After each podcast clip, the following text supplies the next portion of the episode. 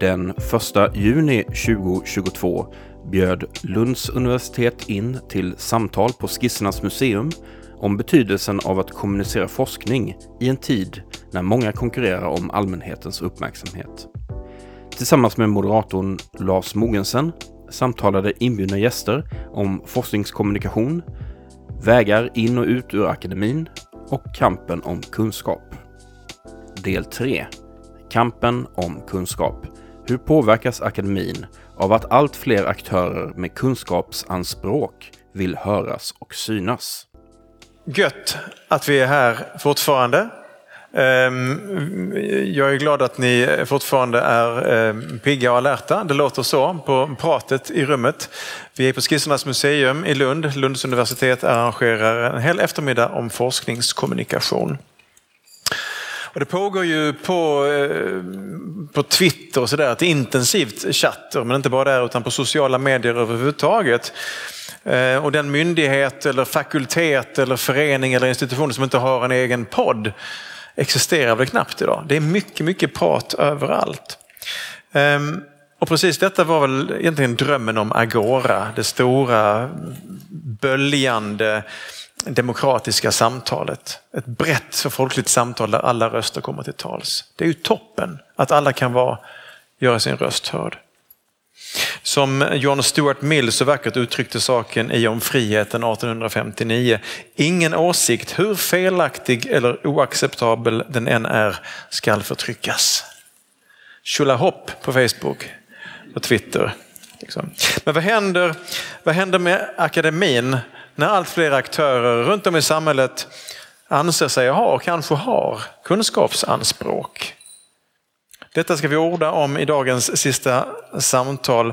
Det handlar alltså också om hur, hur det här bruset av tyckande och åsikter, hur det påverkar synen på kunskap och synen på, på vetenskap. I det föregående samtalet kanske vi talade en del om, om uppmärksamhet och hur man får uppmärksamhet. Här kanske lite mer om synen på kunskap föreställer jag mig. Pågår det en verklig kamp om kunskapen, kan man säga det? Hur påverkar den kampen i så fall hur forskningen beskrivs och kommuniceras. Till min hjälp och vår hjälp här har vi nu Sissi Askvall som är generalsekreterare för vetenskap och allmänhet. Välkommen. Vi har Ida Östenberg som är professor i antikens kultur och samhällsliv vid Göteborgs universitet. Eh, och eh, också skriver debattartiklar eller, eller understreckare snarare eh, i Svenska Dagbladet ganska regelbundet som flera andra av dagens deltagare har gjort. Finns det något samman, samband där? Alla skriver understreckare. Linda Fagerström, docent i konstvetenskap vid Linnéuniversitetet. Ehm, är alltså forskare där men också kulturkritiker på framförallt i Sydsvenskan. Som en delad tjänst inom universitetet och utanför universitetet. Ja, eller två olika tjänster. Två olika tjänster kan man säga. Ja, det är helt olika. Det. Men det gör, ja. No, Peter Pagin, filosofiprofessor vid Stockholms universitet. Sysslar mycket med språkfilosofi, medvetandefilosofi. Konstaterar att ni är vid medvetande allihop. Eh, Viktor Malm eh, som ju är doktor i litteraturvetenskap här i Lund och som i många år skrivit på Expressens kultursida och som faktiskt från och med idag, från och med idag är kulturchef på Expressen. Grattis till det! Tack.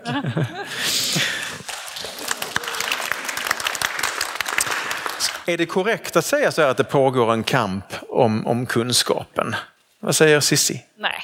Nej. Nej, jag skulle inte säga det. Nej. Alltså, det beror ju på vad du menar med kamp och vad du menar med kunskap. Men det här att man riktigt pucklar på varandra i det offentliga samtalet och att du antyder kanske lite att det är influerare och sådana som inte riktigt vet vad de pratar om som slåss mot akademikerna och experterna. Och, nej, jag skulle inte säga att det är så. Mm. Vad säger ni andra? Viktor? Ja, men något slags kamp om kunskapen pågår och har alltid pågått. Jag menar, vetenskapsmännen vann ju kampen dels mot poeterna och dels mot prästerna för ett antal hundra år sedan vad gäller just rätten till att formulera vad som är sant om det verkliga. Men jag skulle säga att man, man fortfarande åtminstone konkurrerar om privilegiet att formulera vad som är ett problem och vad som är lösningen på det problemet med helt andra aktörer idag. Alltså journalister dels, som, som Mats Alvesson sa tidigare, så finns det gott om granskande och grävande journalister som jag också tycker gör ett minst lika bra jobb som en del forskare. Och där kanske man inte egentligen kämpar om liksom rollen som kunskapsproducent men man, man kämpar absolut om vem allmänheten i stort betraktar som den relevanta auktoriteten att söka sig till för att få kunskap. Och, och den kampen tror jag är väldigt bra och produktiv. Ida? Ja, nej, jag tror inte att kampen handlar om kunskap, för jag tror många struntar i den. Åtminstone om man är på Twitter så tror man det. Eh, och jag tror kampen handlar om något annat faktiskt, och där är det tillbaka till kulturkriget. Eh, det handlar om kampen om ideologi och ham- eh, kampen om att, eh, att eh, stå för att eh, hantera och eh, äga berättelsen, skulle jag snarare säga. Eh, och där eh, är ju inte kunskap egentligen, eller fakta, intressant. Och det har ju visats nu de senaste åren när herr Trump kunde gå loss på Twitter och vinna valet, sitta kvar där och fortfarande ha hela republikanska partiet med sig. Fastän alla vet som kan läsa att det är en lögn. Så lögnen funkar och det är det jag undrar hur vi ska, så som vi som är intresserade av kunskap och fakta, ska stå emot det. Linda? Jag vill gärna knyta an till det då i så fall. Jag lyssnade senast på väg hit då på en podd en amerikansk, om amerikansk politik. Ehm, och det är ju så många senatorer då i det republikanska partiet som faciliterar för den här galenskapen som ju är nästan allihop så Harvard Law School graduates. Alltså de har då tagit sig igenom den svåraste juristutbildningen i världen eller den bästa eller ja, Ivy League scholars som är fullständigt bindgalna. Alltså som uppenbarligen måste de ha något i huvudet. De kan inte ha betalat sig igenom hela den här utbildningen utan de, de är inte dumma. va? Men som, som påstår all, de mest horribla saker. Liksom att, ja ni vet att man, man kan eh, bota covid-19 med laser och sånt där. Eh, så att eh, det är ju förödande för trovärdigheten för akademiker även om inte de är forskare. Men för att svara på din fråga. Eh, alltså, jag är då konstkritiker och konsthistoriker, konstvetare. Och jag önskar att det var mycket mer debatt om konst. Eh, det kan jag inte påstå att det kanske är, förutom då den här gamla vanliga Ja, men man ser ju inte vad det föreställer. Eh, för den är ju liksom fortfarande vid liv, den invändningen. Och det är bara ni konstkritiker som begriper, eh, begriper er på det här och det är så ko- konstigt. Och så. Alltså ungefär lite grann som Ungefär som om det gällde fysik, så kan jag känna ibland. Och det är tråkigt. Eh, Peter Pergin då, filosofen här. Detta med, vi kan börja med, med frågan, tycker du, tycker du att det pågår en kamp om kunskapen? Får jag svara ja på den frågan? Och, eh, så det, dels så eh, finns, förekommer det en kamp om uppmärksamheten. Eh, så att eh, man kan försöka dra åt sig eh, uppmärksamhet, dra åt sig lyssnare och tittare och därmed blockera andra som, som då har någonting eventuellt att komma med. Så det, på ett plan så är det en kamp om uppmärksamheten som pågår och med, mellan olika medier, mellan olika aktörer. På en annan eh, nivå så är det ju en kamp om budskap. Och de här två eh, planen flyter in i varandra. Där eh, man kan försöka blockera ett budskap genom att med något utspel eh, rikta uppmärksamheten mot någonting annat eh, och därmed få uppmärksamheten bort från någonting som annars skulle kommit fram. Men det är ett, ett, ett, ett, eh, krig där man sår tvivel, eh, ifrågasätter folk, attackerar forskare, attackerar journalister och andra eh, personligen. Så visst är det ett, ett, eh, en kamp om kunskap på det sättet. Ida? Nej, jag bara funderar på, jag blir så intresserad med den här blockera som du sa två gånger nu. Vad menar du rent konkret med det? Eh, ja, eh, när det gäller eh, att snå åt sig uppmärksamhet så finns det statistik över hur Trump betedde sig. Så, for, så fort det var någonting som verkade gå i riktning mot honom så gjorde han ett nytt eh, upprörande utspel s- som vände uppmärksamheten mot hans utspel och, och sköt andra frågor om hans eh, skattebetalningar till exempel i bakgrunden. Och, annat. Så det där, och det där har ju också eh, andra säga, populistiska aktörer använt sig av. När, när, när det ser illa ut, gör någonting upprörande. Viktor, vad tänker du om vilka är utmaningarna i den här kampen? Jag vet inte om det är kamp om kunskap eller om det bara är kamp om uppmärksamheten. Det är uppenbarligen två lite olika saker. Men... Nej, men kampen om uppmärksamhet kommer nog vara en, eller kampen om kunskap kommer nog vara en kamp om uppmärksamhet som också i förlängningen blir en kamp om legitimitet. Men jag tror att den nästan är positiv och den är konstitutiv för hur kunskap fungerar. Jag menar, det finns ju också en, en dialektik i, i det här problemet som ni beskriver. Det är ju också att jag, jag, tror det är få som kan hävda att akademin och vetenskapen någonsin har haft en så stark ställning som den har idag. Som David sa i förra samtalet har det aldrig funnits så mycket professorer i något ämne någonsin som det finns just nu. Det är ju ingen garanti för att de har förtroende. Absolut inte. Men det har aldrig producerats så mycket vetenskaplig kunskap. Det, det har liksom aldrig funnits så många som har sin utbildning på universiteten.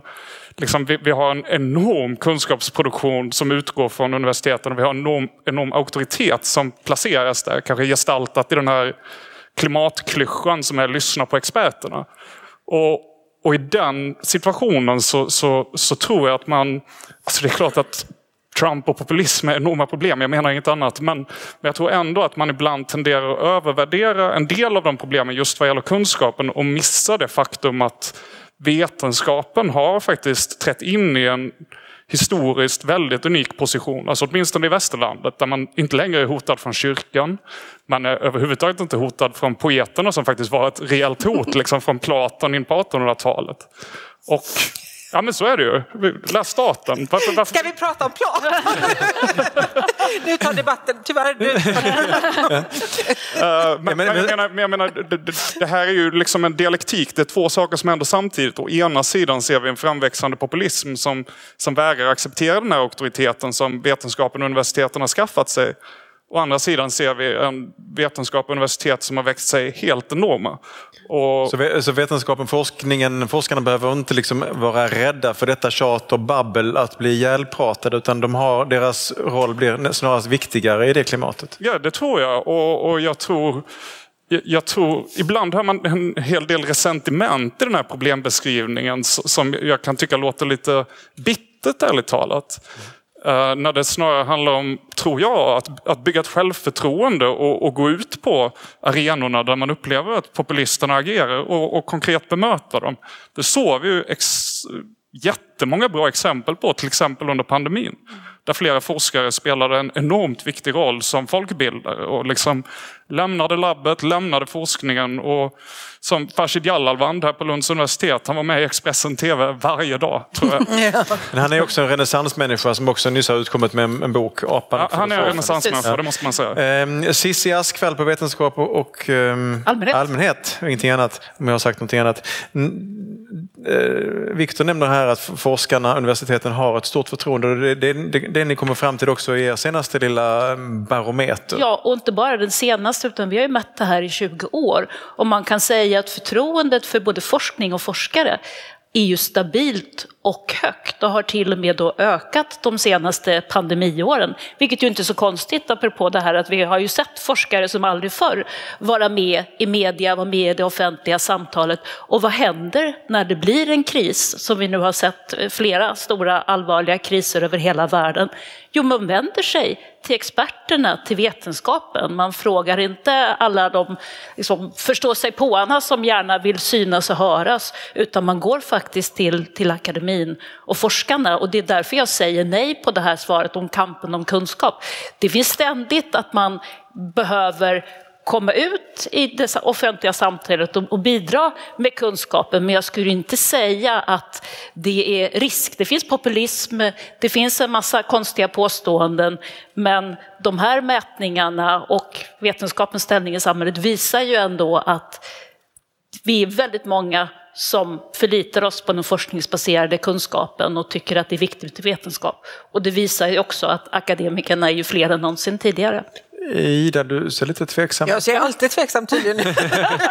Nej, men jag måste säga att jag blev så himla förvånad när jag såg i er senaste undersökning att forskningen fortfarande hade som gott förtroende för att jag tänker på pandemin som jag tog mig för pannan flera gånger under pandemin när forskare inte gjorde som forskare ska, nämligen hade någon slags hederlighet i behåll och läste sina undersökningar och alltså samma med journalistiken, en del av journalistiken, bara på med de värsta liksom, rubrikerna och sen att, att uttala sig i medier om saker som, där man inte har belägg för det. Och jag måste säga att jag var helt säker på att, forskning, att forskningen skulle förlora förtroende på det. Så att jag blev Därför att de klev utanför vad de hade belägg för? Nej, att, att de inte betedde sig som forskare ska. Alltså med någon slags hederlighet och respekt mot vad eh, underlaget, vad empirin säger. Att det fanns många sådana exempel under pandemin. Så att jag, jag blir som... Ja, fanns det inte ännu fler exempel på motsatsen? På forskare som faktiskt blev folkbildare som uttalade sig utifrån sin expertis. Sen fanns det exempel på motsatsen också, Ja, jag nej, men jag tror också att, att många blev, inom allmänheten inbillade jag mig, att det skulle vara så att, att den här, alltså att hur ska man hantera eh, när forskningen inte är överens? Men det kanske var lärorikt för oss eh, tidningsläsare och medborgare att se att forskare kan vara i luven på varandra. Jo. De är inte alltid på samma sida, eller? Ja, jag kan gärna svara, men ja. Eh, Ja, alltså, jag, jag tror att ehm, det är, Sverige kan skilja sig lite från, från många andra länder. Och eh, så att de erfarenheter vi har från, från eh, vetenskap och samhälle var det väl? Och allmänhet. Allmänhet, Ja. förlåt mig. Svårt namn det där. Ja. Ja. eh, speglar ju en svensk situation.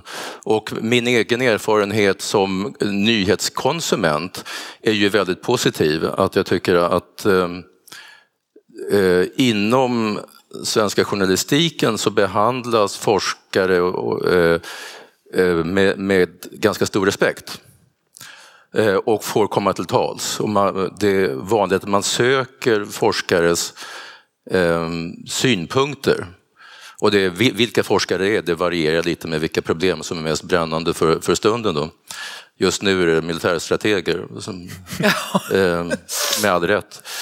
Men om man tittar på eh, undersökningar om hur man, eh, vilka övertygelser som finns eh, bland allmänheten. Till exempel hur många amerikaner är det som tror på den stora lögnen om det stulna valet? Hur många är det som, som tror på diverse konspirationsteorier eh, om eh, månlandning och om vacciner och annat? Så är det i, i många undersökningar skrämmande stora siffror. Jag får Så, så, så att, och de där sakerna existerar sida vid sida. Ehm, Just det, Ehm, saker som existerar sida vid sida. Linda, du, vad tänker du om det här med, med, med ehm, liksom förtroendet för forskarna? Vad möter du när du är ute och, och, och pratar? Eh, Alltså jag har ju, som jag nämnde, jag, jag tror jag är ovanlig, i alla fall jämfört med i panelen. Alltså jag är ju då anställd vid universitetet på halvtid och sen så är jag då frilansande konstkritiker på halvtid. Eh, Så att jag är inte så som Ida som månskens jobbar och sitter uppe på nätterna och skriver understreckare, för det är väl då du gör det, tror jag. Mån, månsken är min bästa vän. Eftersom du är 100% anställd på universitetet menar jag. Ja, det är jag. Ja, precis. Och jag tänker Viktor som på dig, du har ju disputerat vid Lunds universitet men är inte forskare nu utan kritiker och kulturskribent på heltid. Mm. Ja, men så att jag kan ju liksom utnyttja det där att ibland har jag den ena hatten och ibland har jag den andra. Och det är, både, det är fantastiskt för det är liksom så eh, givande. Eh, det ena är fruktbart för det andra, alltså för mig själv. Men jag märker också då, alltså jag blir ofta intervjuad i egenskap av forskare. ehm, och samtidigt så vet jag ju precis också hur det kan vara att intervjua någon. Ehm, eftersom jag ibland också är på andra, står i de andra skorna. Och där, där kan jag känna att eh, ibland så, så eh, kan man bli pressad att liksom formulera någonting som inte riktigt stämmer. Och som, men om du bort tar liksom 95 procent av alla resultaten och de här fem, är det inte farligt då? Eh, jo, men alltså att man får såna, och det är det jag tror att vi, vissa sådana här rapporteringar om pandemin handlade om. Att man, medielogiken är så att man vill liksom tilltalar folks känslor eh, och i det här fallet då oron för att bli sjuk eller ännu värre. Och då så hittar man då någon forskare som kan säga att ja, det finns liksom den här eventuella risken, pytte, pytte, pytteliten och så gör man en rubrik på det. Och sen får man själv läsa för att se att det är en pytteliten risk som nästan inte finns. Och det, det är liksom oschysst både av forskaren som går med på det, att pressas till det, ehm, och såklart reportern. Jo, det, det, är en sak. Jag tänker på en annan grej som, eh, som vi pratade om du och jag häromdagen, nämligen det här med bildningsideal och så, när du är ute och talar om konst till exempel. Mm. Eh, hur, pass, hur pass kunniga människor är eller hur vi värderar kunskap mm. och bildning. Ser du någon trend där? Men det är ju, jag har inte levt, eh, jag levde inte på 50-talet men, men jag, jag har liksom, inte du heller, nej. Men, men eh, jag måste säga att jag har liksom den här bilden av att och den kanske bara är naiv och felaktig, men att liksom det här folkbildningsidealet som, som grundar sig i alltså folkrörelserna, eh, arbetar, eh, ABF, alltså Arbetarnas bildningsförbund, men också många andra. Alltså att, att det fanns ett ideal att även om inte du själv betraktade dig som akademiker eller intellektuell, att du ändå förväntades ha något slags koll på den moderna konsten eller den moderna litteraturen eller så. Eh, och det där är ju idag fullständigt upplever jag det som, mm. eh, renons. Alltså folk, jag vet ingenting om konst kan man säga glatt med hög röst utan att skämmas. Och jag kan inte annat än att tro att det är liksom någonting relativt nytt. Eller Ja, och jag kan inte exakt vad var det nu Platon sa. Kanske någon skulle sagt på 50-talet, men det hör man ju väldigt sällan idag. Va? Ehm, så den här liksom klassiska bildningen, är inte den som du skaffar dig, ehm, inte nödvändigtvis genom en universitetsutbildning, utan liksom bildningen.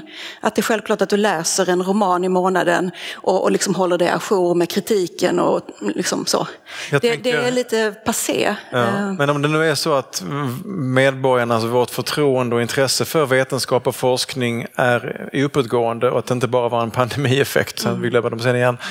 Mm. om det finns kan man se något sånt, att liksom bildningsideal, kunskapssökande också ökar i och med att vi får syn på all den här forskningen. Vad, vad tror Viktor? Om intresset för forskning och bildning i allmänhet ökar i Sverige, kanske. Jag, jag tycker det är svårt att svara på det där. Det får man väl, får man väl gå ut och undersöka lite. Men jag, som sittande på, på en kulturredaktion och som, som kom från universitetet dessförinnan och har sett två väldigt distinkta världar. Där, där den ena är ganska dystopisk om framtiden och, och tror att allting barkar åt helvete.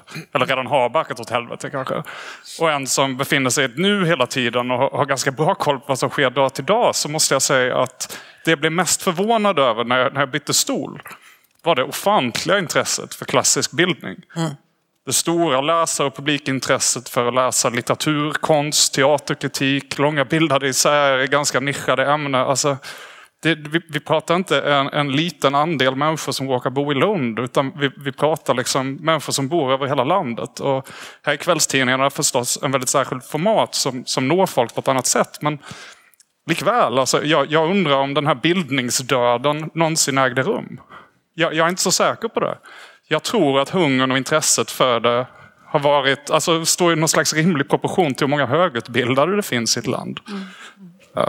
Ja, och inte bara högutbildade utan någon slags närhetsprincip. Alltså, mm. Har du någon i familjen, har du någon nära vän och så vidare som kanske är akademiker som har utbildat sig eller till och med, med forskat, då ökar intresset. Och återigen, de här mätningarna som vi gör visar att det har egentligen större betydelse för vilket intresse du själv har för forskning och vilket förtroende du har för forskare än om du själv har en högre utbildning. Att det här att man har folk i sin närhet.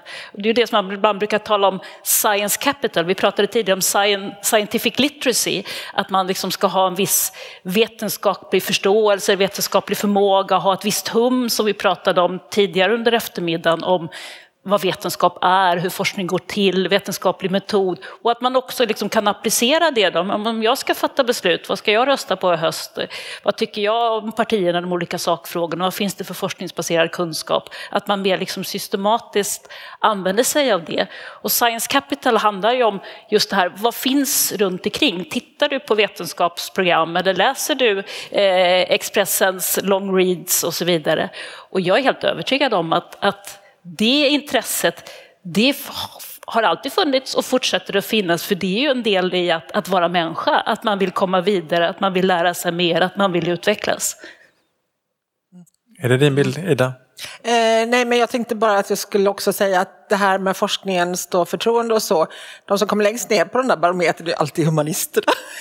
Ja, man, man har mindre förtroende för humanistisk forskning Exakt. än medicinsk forskning Nej, precis. Och, exakt. och vilka är det som är vetenskapsjournalister? Alltså det är ju den naturvetenskapliga forskningen som man förmedlar eller kommunicerar. Det ju, finns ju inte någon humanistisk eh, Men vetenskapsjournalist. mycket samhällsvetenskaplig Ja, eh, journalistik om Visst, samhällsvetenskap. men är liksom, ska du illustrera en bild av forskning så har du en labbperson där. Medans eh, alltså humaniora då förknippas med kultursidor och med det här tillrättalagda berättandet eh, snarare än forskningsprocessen samtidigt som naturvetenskap inte ses som allmänbildning. Så där är det ju verkligen två världar som borde liksom integreras mer, tycker jag. För att det har liksom konstigt att det ena ska vara vetenskap och det andra kultur. Linda? Ja, jag håller med. Eh, Jag slår av radion varje gång som det är Vetenskapsradions signatur. Jag blir så förbannad. Det är bara naturvetenskap. Varför heter det inte Naturvetenskapsradion? Varför heter det Vetenskapsradion? Alltså det kvalificerar, diskvalificerar ju alla oss andra. Sen kommer ju Ni Kulturnytt håller inte på. senare på dagen. Precis, men det heter inte vetenskap. Det är så typiskt va? Eh, och det är det du säger också Ida. Men i alla fall, alltså, och dessutom, så, ah, mm. Eh, jag ska inte gå in på det tror jag. Men, eh, eh, men visst, jag håller med. Alltså, så, eh, det är klart att som, som forskare eller, alltså folk blir ibland lite paffa när man kan säga så ah, men jag är, jag är så doktor i konstvetenskap, jag är docent i konstvetenskap och så Ja, det blir liksom kortslutning då. Ja, för vad, jag Vad tror- gör du på jobbet? Och ja, jag tolkar bilder. Va? Liksom. Men jag tror att för många i allmänheten menar, tror jag, vet att det krävs utbildning och färdighet för att kunna bli den här forskaren som tar fram ett vaccin. Det är inte jag som går in och gör det imorgon. Här finns det någon slags stege som jag ska utbildas igenom först. Medan för humaniora, ja om man då alltså, på Twitter eller i vilka sammanhang som helst, då, vilka är forskare med citationstecken runt, ja det är genusvetenskap, för det vet man ju, det är bara trams och det skulle vem som helst kunna bara hitta på. Om man skickar in en sån eh, som kvasivetenskaplig artikel så blir den godkänd, det vet ju alla. Eh, Så det är också, där, är, där i finns det också någon märklighet. Och där tror jag det här med som ni pratade i första panelen, det här med processen, den vetenskapliga processen, att det hade varit intressant. Eh, ta ett sånt program som Fröken Frimans tid eller vad den hette. Där programledaren gick in i ett arkiv med handskar på, tog fram en bok och hittade alla dessa kvinnor som var rösträtts... Precis som att det bara är att gå in på ett arkiv så finns forskningen där. Att Alltså, man liksom ju ger inte en- cred åt forskningen, man bara tar för sig. Nej, precis, och vi har ju också en utbildning och som är, vi är dessutom fruktansvärt duktiga på att läsa texter och tolka texter. Något som behövs. Eh, Viktor? Nej, men alltså, det, det, det svenska genusvetare utsätts för är ju, är ju fruktansvärt i många fall. Det är på riktigt hot som Ja. existerar där. Och, och så är det. Och, och det där måste man vara vaksam mot och liksom sätta upp skydd kring på ett sätt som kanske inte har gjorts hittills. Men någonting som har hänt i och med den nya offentligheten och som, som möjligen också är en funktion av liksom högre utbildningsexpansion är att forskare kan inte längre falla tillbaka in i den auktoritet som man lite tycker sig ha rätt till på grund av, någon arv, på grund av ett arv. För den är utplånad. Den finns inte riktigt på samma sätt längre. Alltså forskare, forskning tror jag måste börja vänja sig vid att bli ifrågasatt på ett helt annat sätt än vad som var fallet under hela 1900-talet egentligen. För att det är så många andra som har till, tillgång till plattformar där forskningen kan ifrågasättas. Jag tycker att man har svarat på det här på ett ganska strategiskt dåligt sätt.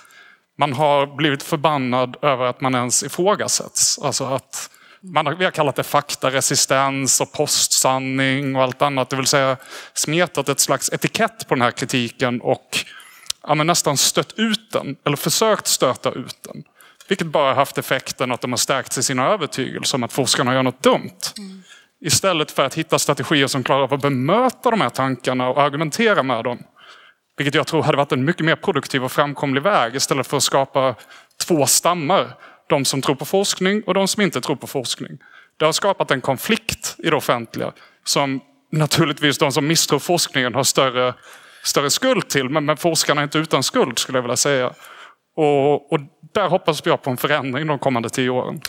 Peter Perkin, vad, vad hur tänker du om det? Liksom synen på kunskap eller hur, hur forskarna bemöter vad ska vi kalla det? är kritiken utifrån eller det kan vara konspirationsteori eller det kan bara vara allmän kritik? Eh, alltså jag, eh, jag håller med om att eh, forskarna behöver bli bättre på att bemöta den typ av, av motstånd och ifrågasättande som vi får. Men jag ty tycker också mm. att det har eh, tagits stora steg i, i rätt riktning. Ehm, forskare som eh, liksom Steven Lewandowski så, som formulerar ges på handledning hur man ska bemöta klimatskeptiker och vaccinskeptiker och sådant med, effektiva argument, hur man ska bemöta eh, svepande ifrågasättanden. saker. Och, så det är bra. Och, och, personer som till exempel min kollega Åsa Wikfors som ger ut en bok där hon för, förklarar på ett väldigt skickligt och pedagogiskt sätt vad, vad grundläggande kunskapsteori är för någonting och därmed eh, visar att den här relativistiska kunskapssynen som har varit eh, vanlig inom stora delar av samhället inte alls har något eh, klassiskt stöd eh, för sig. Så att, eh, dessutom vill jag säga det att eh, jag, jag tror att Eh, Eh, hur mycket det gäller för, för akademin i, stort, jag tror att det gäller i, i, ganska hög grad. Och jag vill säga att jag är stolt över mitt eget ämne där många har eh, tagit den här nya tiden med utmaningen mot demokratin, med populism, konspirationsteorier och annat på stort allvar och ägnat sig åt både när det gäller eh, offentlig aktivitet men också i forskning, att bemöta det och studera det. Så det har varit eh, väldigt bra tycker jag. Linda? Jo, men eh, jag vill knyta an till det därför att eh, jag vill inte låta dyster eh, som jag kanske gjorde tidigare. För det finns ju det här, liksom, menar jag, lägre rädslan för att erkänna att man inte någonting vet varken om Platon eller eh, konsthistoria eller sådär. Men samtidigt så är det klart att jag ser ju alltså eh, ett stort behov av det här med att begripa en bild eller begripa ett visuellt uttryck. Jag menar, vi ser ju fler bilder idag än vad människan någonsin har gjort förut. Jag, vet inte, jag, jag har förmodligen sett 3000 bilder sedan jag vaknade idag. Det är helt absurt. Mm. Bara för några hundra år sedan kanske människor såg en bild på söndagar när de var i kyrkan och såg liksom en altartavla. Va? Men, eh, så därför så har vi ett mycket större behov av att kunna tolka bilder och begripa dem. Vad, vad, vad, symboliserar det där? Vad signalerar den där färgen eller den där gesten eller det där uttrycket? Eh, och där måste jag ju säga att där kan man känna att det finns ett jättebehov och folk blir så glada om man tolkar eh, gör en bildtolkning av en eh, skulptur av Zlatan eller eh, ett porträtt av Barbara Bergström ehm, alltså Engelska skolan, eh, Barbara Bergström och så. Ehm, och då kan jag liksom applicera mina kunskaper om hur man tolkar renässansmåleri eller någonting annat fast i en helt annan kontext. Och det måste jag säga, det är klart att det blir väldigt läst och väldigt populärt. Mm. Så visst är det uppskattat på det sättet. Det är klart att det är. Ja, och, och du får väldigt genomslag när du skriver till exempel i Sydsvenskan om Zlatans näsa eller, eller sådana saker. Ja, folk säger det. Ja. ja. ja.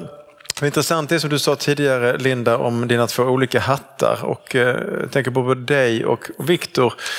Du har i och för sig bara en hatt nu Viktor, men du kommer ju från forskningen, från, från litteraturvetenskapen och, och nu befinner du dig då på en stor, stor redaktion som chef för en kulturredaktion. Hur, eh, ja, men hur tänker du kring de två olika rollerna? Är du, gör, gör du samma sak fast på olika, vid olika skrivbord bara? Eller? Nej, det skulle jag inte säga. Alltså, forskare skulle jag, inte en identitet jag har. Forskare tänker jag är en aktivitet, någonting man pysslar med. Och slutar man forska slutar man vara forskare. Däremot är jag ju doktor i litteraturvetenskap och jag har liksom ägnat ganska många år åt att studera och lära mig ett ämne och veta hur humanistisk forskning bedrivs och hur humanistisk forskning bedöms. Det är naturligtvis färdigheter som är en enorm fördel när man mm sitter och är redaktör för väsentlig information eller väsentlig kunskap och väljer om de ska publiceras eller inte. Men, men jag skulle nog betrakta det som ganska skilda yrken ändå. Jag, jag, det är ändå, jag, jag kommer knappt ihåg hur det var att doktorera. Det, det, är väldigt annorlunda. Alltså, skriver jag börjar på en text imorgon kanske den är publicerad nästa morgon. Det, och så tänker jag på något nytt nästa vecka och så går man vidare. Det, det är två olika temporaliteter.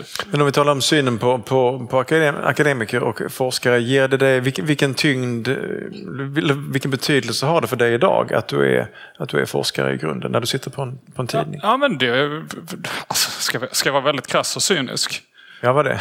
uh, så, så, tror jag att den här titeln betyder mer för andra än den betyder för mig. Alltså det, det ger mig legitimitet och auktoritet när jag uttalar mig om grejer mm. som jag inte nödvändigtvis förtjänar. Uh, så är det ju för alla som har disputerat. Eller hur? Uh, och, men, men vad den betyder för mig är ju en, en trygghet i vissa mm. frågor. En, en djup, djupt upplevd känsla av att bottna i kunskap och veta hur jag liksom griper en fråga an, hur jag formulerar ett väsentligt problem och hur jag gör efterforskningar på ett vederhäftigt sätt och ser till att nå svar som är både relevanta och sanna. Och det här är kunskaper som jag har stor nytta av, som alla människor skulle ha stor nytta av i sin mm. yrkesutövning tror jag.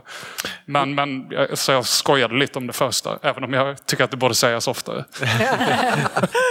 men är du en udda fågel eller hur, hur vanligt är det i, i liksom mediebranschen och, och liksom det humanistiska samhället med någon som har disputerat och som sen hamnar på en helt annan position. Så.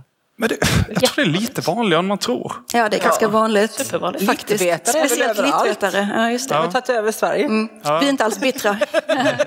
Svenska Dagbladet har också en disputerad litteraturvetare. Aftonbladet har en disputerad litteraturvetare. Björn Wiman är också disputerad. Nej, Björn Wiman är inte disputerad. Men Maria, Liljen. Det ska vi vara noga med. Ja, just det. Ja. Det finns många disputerade ja. vetenskapsjournalister. Ja. Mm. Mm. Mm. Jag, jag, skulle vilja svara på det, eh, Viktor, för jag... Eh, visst står det inte sådär när du skriver eh, att du är doktor i litteraturvetenskap och litteraturkritiker? Min, min chef la till det någon gång. Ja. Han tyckte att det var relevant. Men jag har alltid varit motståndare till att skriva ut det. Ja. ja, för det ser man väldigt sällan. Men det är klart, om du är frilans, ja, för det står inte när jag skriver heller, men jag är inte heller så intresserad av titlar. Men jag tänker att för de som är frilansare för en kulturredaktion så betyder det eh, enormt mycket om det är en forskare som är redaktör. Det måste jag säga. Alltså för förtroendet och tilliten och att man känner så. Det, det, det är min erfarenhet, jag har jobbat för många olika redaktörer. Så. Men vi pratade tidigare om det här med liksom vägar ut och in ur akademin och du kan ju röra dig där lite. Du finns ju i akademin på den tjänsten du har men du har också liksom nästan lika mycket tid eller ännu mer tid att, att skriva som, som journalist. Mm. Skulle det finnas fler möjligheter för människor att röra sig mellan de här två världarna tycker du, Linda? Ja absolut. Alltså, mm, man måste klara av att ha en enskild firma då det är inte så svårt om man har en revisor. Um, men, men, eh, för mig är det extremt fruktbart. Jag tycker det är så himla givande. Alltså de här långa tankarna som jag tvingas tänka i forskningsprojekt. De har jag sån nytta av när jag skriver såna här snabba grejer från dag till dag. Och å andra sidan, när jag tvingas att skriva så där snabbt, se en utställning, tänka i två timmar och sen så lämna. Det befruktar liksom de långa tankarna som jag håller på med i forskningen. Alltså jag formulerar mig bättre och effektivare i forskningen menar jag, eh, tack vare det. Eh, och plus att jag kan skriva kritik snabbt eftersom jag har tänkt vissa tankar redan. Så de är inte så långt bort, men också för att jag är säker tror jag på ett annat sätt. alltså det är förankrat i forskningen, det som jag säger lite kvickt och snabbt. Så.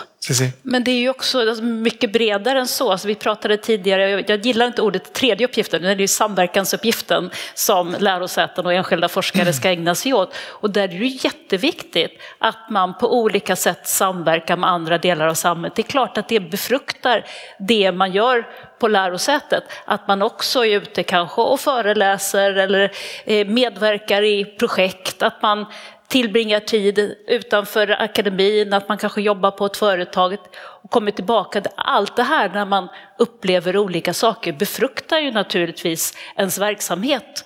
Eh, det kan ju handla om vilka vetenskapsområden som helst. Och där tänker jag att det inte finns lika stora möjligheter som det borde finnas att vara en sån här gränsgångare. Och... Nej, för det beskrivs ju i, i undersökningar på undersökningar att, att de flesta forskare tycker att den, den möjligheten finns inte. Den är jättesvår.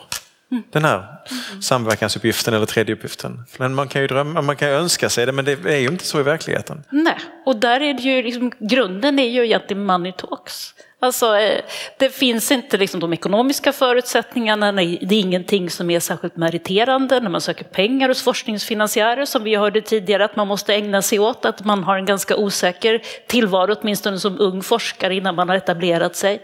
Om det då inte efterfrågas att man är ute och samverkar och kommunicerar på olika sätt, ja, men det är klart att man drar slutsatsen att då är det viktigare att publicera sig i de här smala vetenskapliga publikationerna så jag får min tjänst till slut. Mm. Talks. Jag egentligen kommenterar samma sak som du sen sa när du sa det här med att tredje uppgiften är inte någonting som det bör heta, det är samverkan och därmed ska det då ingå i det man ändå gör.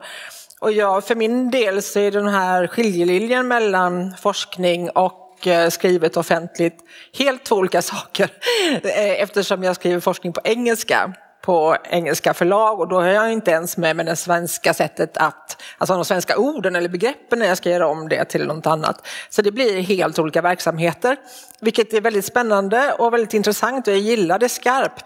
Eh, men det är klart att det tar tid. Jag har mina kollegor i England som skriver böcker som lämpar sig för både allmänheten och för forskarsamhället i en och samma bok. Det kan inte jag göra. Och det beror på, delvis på att det inte finns någon kommunitet för antikhistoriker och för antikvetenskap i Sverige. För skulle jag börja använda, skriva upp mitt material som jag har som jag bygger på, då kommer det latinska inskrifter med liksom lakunor eller sånt. Det går inte, jag kan, det går inte, det är omöjligt. Och då undrar man med den här uppgiften som då har valsat runt sedan 1977 när den skrevs in i högskolelagen och sen med då var 20 år säger nej, vi ska inte sprida kunskap, vi ska samverka.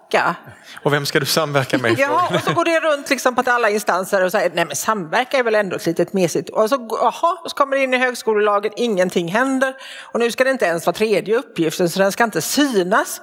Vi har ingen tid för det, vi får inga pengar för det, det uppmärksammas inte ut med liksom lite extra tjänster, att man kan få söka lite extra tid för det om man har visat sig duktig på det. Anordna lite, universitetet skulle tävla om att ha, tri, ha priser i samverkan. Så att det blir någonting att se upp till så att de unga som går i, i forskarutbildningen tänker wow vad coolt, det här ska jag göra. Några lärosäten har det, samverkanspriser. Heja! Mm. Mm. Umeå till exempel. Mm. Ja, vad bra. Okej, okay. Viktor? Men är, är det så lågt prioriterat? Jag menar den mest kända humanisten i Sverige de sista 20-30 åren är väl Karin Johannisson. Mm som skriver böcker för en bred publik och regelbundet publicerar sig i Dagens Nyheter. Jag, jag är inte säker på att det i praktiken är så lågt prioriterat. Däremot tror jag att man ägnar ganska mycket onödig tid till att bråka om det ska heta samverkan eller tredje uppgiften. Mm. Jag tror det är mycket sånt som står i vägen för att akademiker ska ha tid att medverka i offentligheten. Alltså det finns en enorm byråkratisk process bara man ska få in en bok på litteraturlistan om fem år. Mm.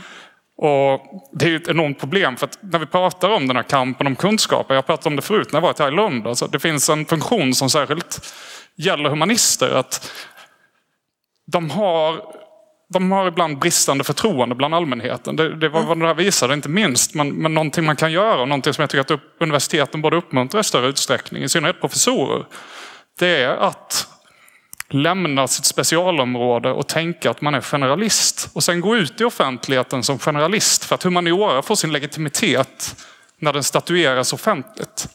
Det var vad Karin Johannesson gjorde för idéhistoria under enormt många år och gjorde det till ett väldigt populärt och stort mm ämne som folk var intresserade av. Och det här är enormt viktigt. Men där är ju många väldigt rädda för att gå utanför sitt, sitt säkra fält. Man kan få kritik om man eh, slirar lite, kliver ja, lite. Kritik överlever man. Det är bara att lära sig ta. Mm, men det handlar ju om förtroende också. Och jag håller med dig mycket det du säger. Hon skrev på svenska. Hon kunde just använda samma böcker forskningsmässigt. Bli meriterad på samma böcker som hon också blir känd på. Mm. Det är liksom en slags värld.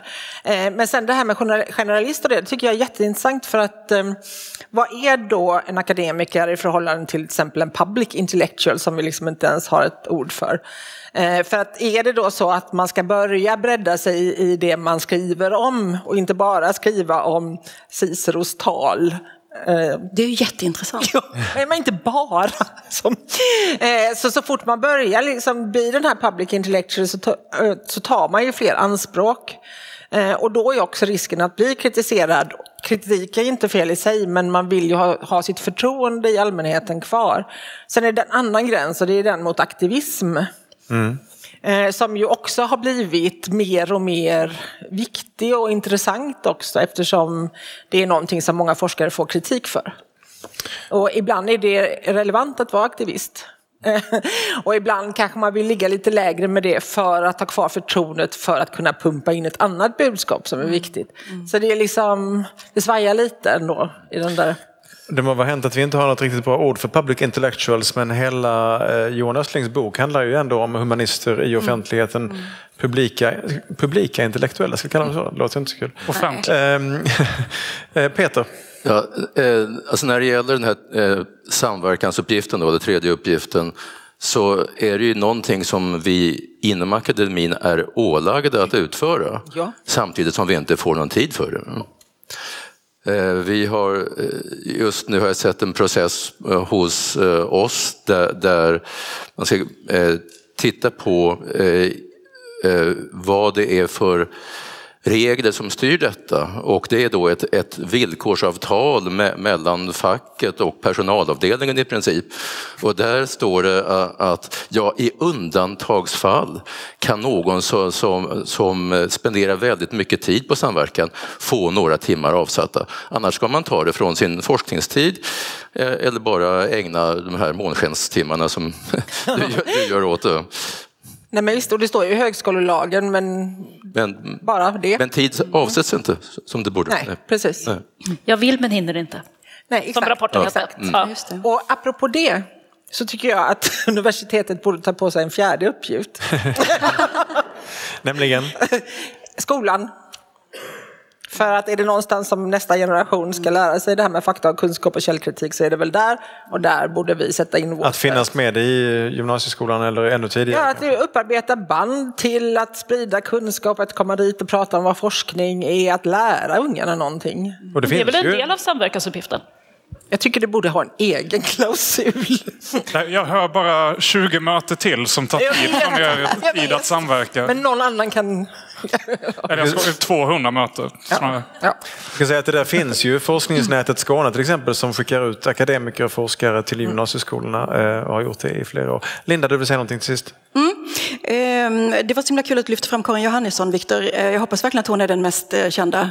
Men jag tänker också på Peter Englund eller Sara Danius, alltså, som också är rätt så goda medtävlare till Karin. Men som jag också skrev ofta och, utifrån sina, eller gör fortfarande i, i Peter Englunds fall. Ehm, Men han är ju kul för han var ju liksom journalist, eh, anställd som reporter på DN och rapporterade från kriget i före detta Jugoslavien och sådär. Och, och, och, ehm, samtidigt som han ju då eh, upprätthöll sin position som historiker och populärhistoriker.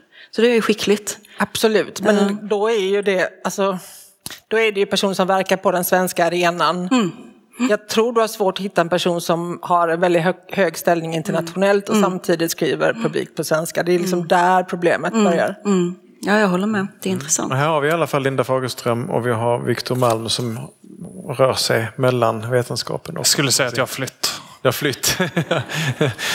Men ha det så fint på din nya roll. Välkommen tillbaka till akademin så småningom om du skulle vilja. Eh, Första dagen på, du skulle haft en sån där ny på jobbet-skylt. Ja, det hade som varit fint. Kulturchef. Ehm, Så avslutar vi den här diskussionen om kampen om kunskapen. Jag är fortfarande lite osäker på om den pågår eller hur den ser ut. Men vi är väl eh, förvirrade på en lite högre nivå i alla fall. Stort tack Cissi Askvall, Viktor Malm, Linda Fagerström, Peter Pagin och Ida Östenberg. Eh, En applåd till dessa.